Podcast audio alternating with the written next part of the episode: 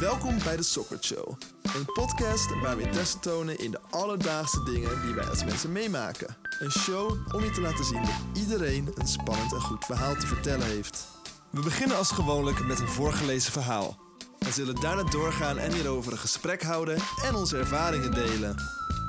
Wil je meer weten over deze podcast? Ga dan naar www.sockert.com. Waar we deze vaak onbesproken ervaringen uitlichten door hierbij een sok te ontwerpen.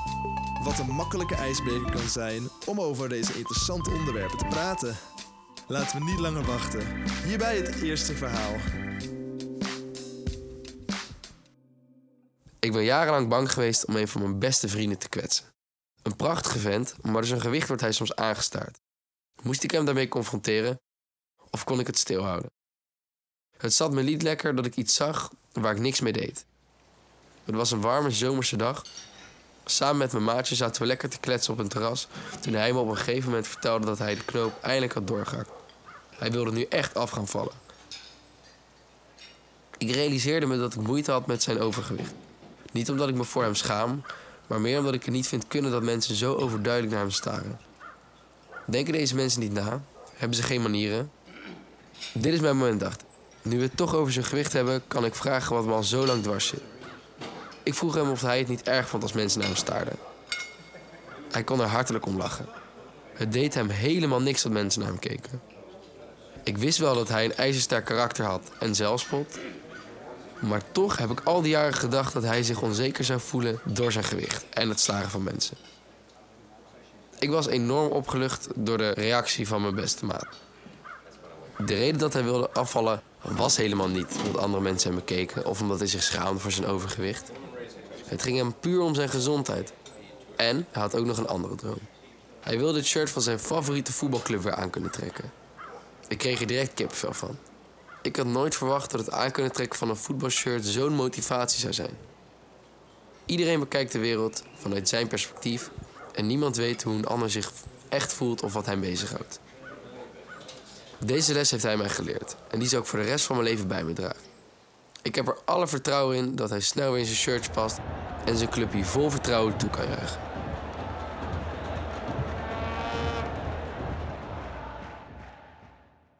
Dus Seb, wat is je favoriete voetbalteam? Eh, ja, nou, wat is mijn favoriete voetbalclub? Eh, ja, AZ denk ik. Maar ik ben niet, ik ben niet zo. Ik, weet je, ik kan genieten van een wedstrijd. Maar het is niet dat ik denk van. Ah, rood goed, zwart slecht. Bal in dat doel, bal niet in dit doel. ja, ehm, ik ben ook niet zo'n grote voetbalkijker, maar ik vind sport in het algemeen wel leuk om naar uh, te koekeluren.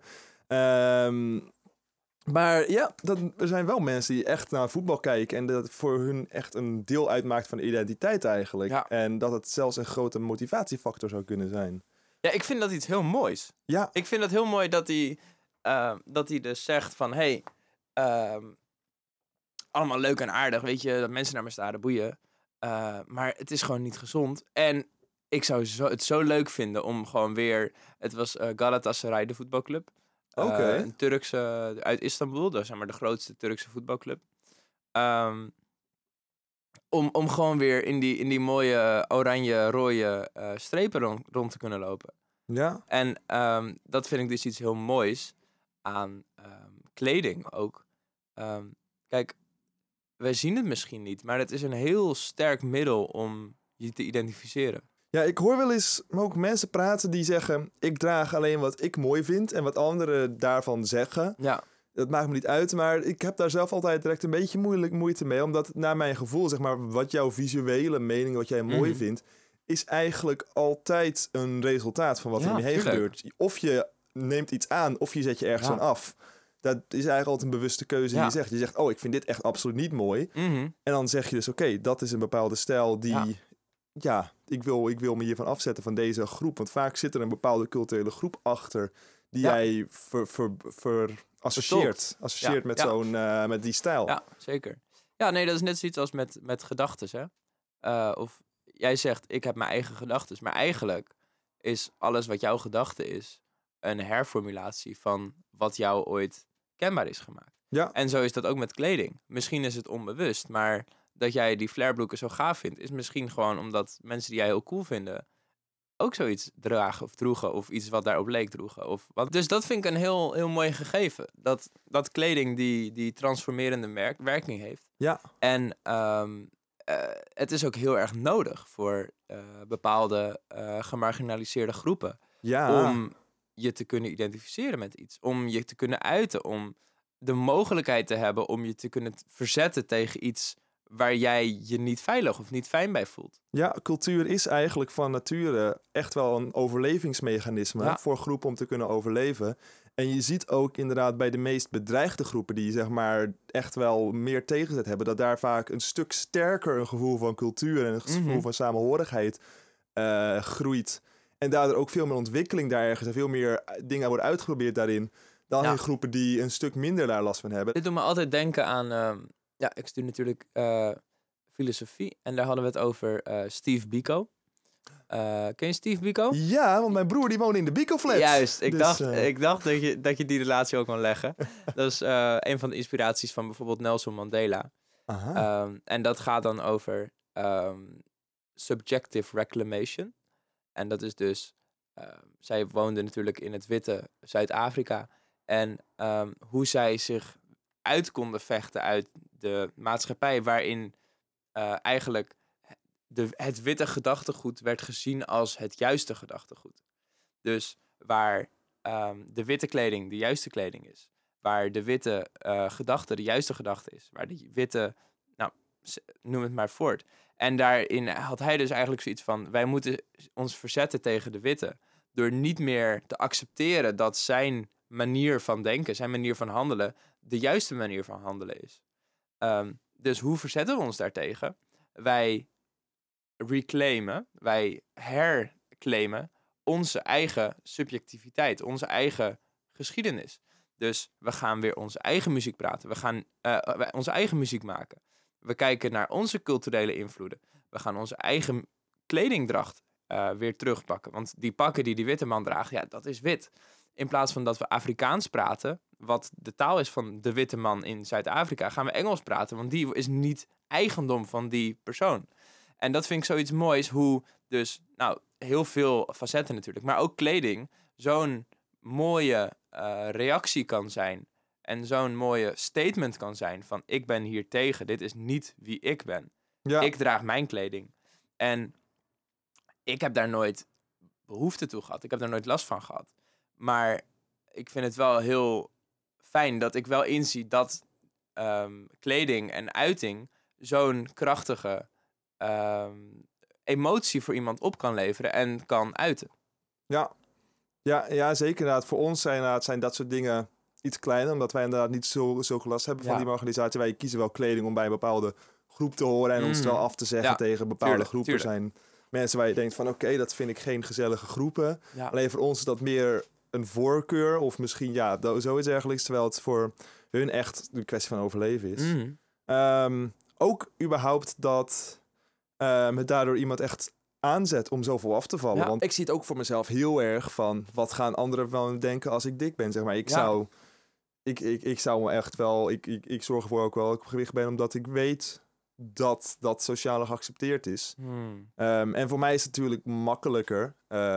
omdat ik nooit echt overgewicht heb gehad... en omdat ja, ik minder neiging heb tot overeten. Ja. ja, daar heb Ehm, je heel veel geluk mee. ja, dat verschilt natuurlijk per persoon. Alleen dat is voor mij natuurlijk een groot eh, deel. Maar tegelijkertijd is dat ook wel weer zo'n cliché eh, motivatiefactor van... oké, wat gaan andere mensen van me denken? Want Ja.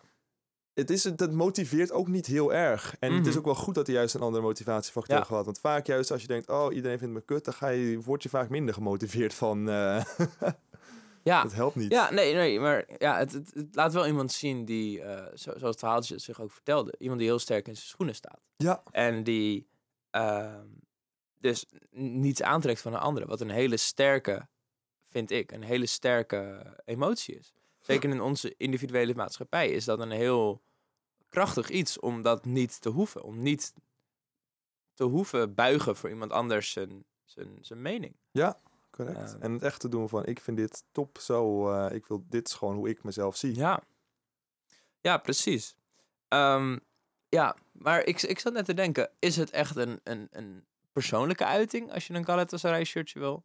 Of is het ook een ma- ma- manier van identificeren met jouw Turkse identiteit misschien. Ik weet niet eh, in hoeverre dat, dat speelt bij iedereen, maar ehm, het lijkt mij wel dat eh,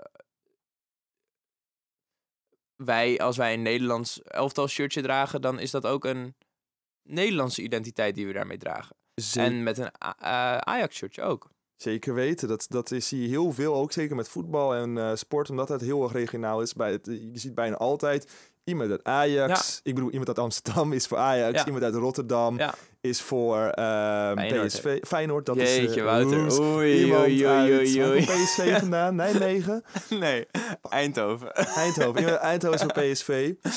Of niet. En dan is het echt, als iemand uit Eindhoven wordt, eh, niet voor PSV is, iemand uit Rotterdam niet voor Feyenoord, dan is het echt zichzelf afzetten tegen de, hui, tegen de lokale cultuur. Dan is het Ja. echt zeg maar een counterculture. Ja. Terwijl iemand die voor eh, Ajax is, zeg maar wel voor zijn eigen ding, dan is dat Mhm. meer, ik hoor erbij. Ja. Ehm, en dat zie je vaak ook. Mensen zijn voor Ajax niet alleen maar omdat zij zo erg houden van voetbal. Vaak is dat ook zeg maar die echte diehard fans.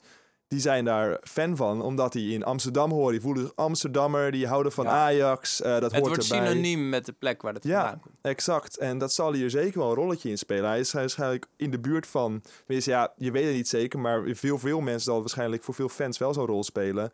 Je bent opgegroeid in die, in die omgeving. Je vond het een fijne omgeving. Je Ja. geeft om de gemeenschap daar Mhm. die, van mensen die er zijn. En je, hebt, er- je voelt je er helemaal thuis. Dan is dat eigenlijk ook een manier om dat te laten blijken. Ja. Van kijk, ik voel me hier helemaal thuis. En dit is echt ehm, gewoon mijn, mijn, mijn Mhm. wereld. Ja. Ja, nee, dat is mooi. Ja.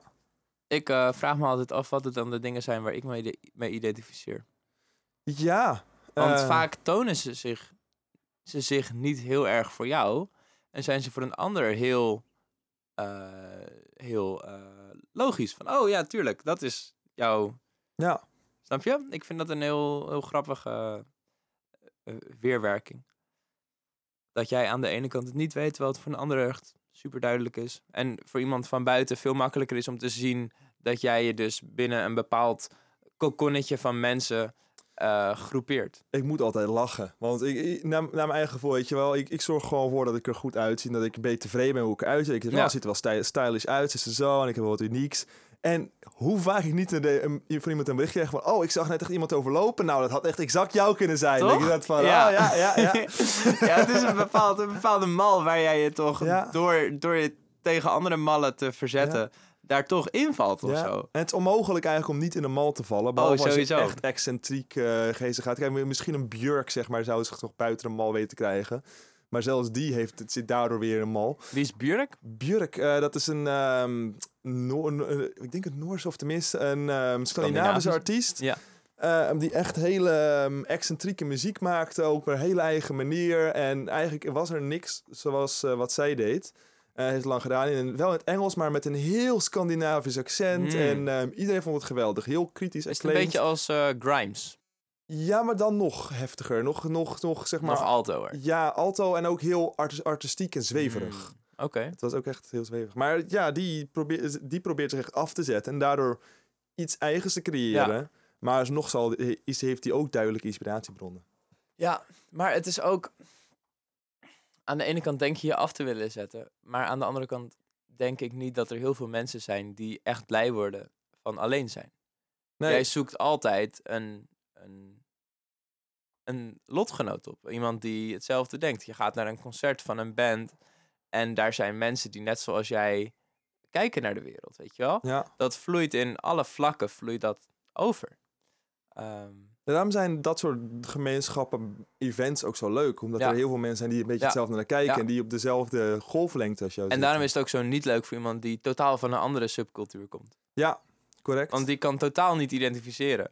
ja. Als jij, nou, ik, ik schets nu misschien, misschien iets wat een beetje te dichtbij komt voor sommige mensen of eh, een beetje te, te, te rauw is geschetst. Maar als jij Magic the Gathering speelt en Ah. naar, ehm, waar luister je naar, Wouter? Eh, wel, ik weet het niet. Ik, Doja King Cat. Gizzard and the Lizard Wizard. Wizard, ja. Dat past meer bij die, bij die subgroep die ik nu, nu ja, nee, klopt. En lang haar heb en in een bandje zit.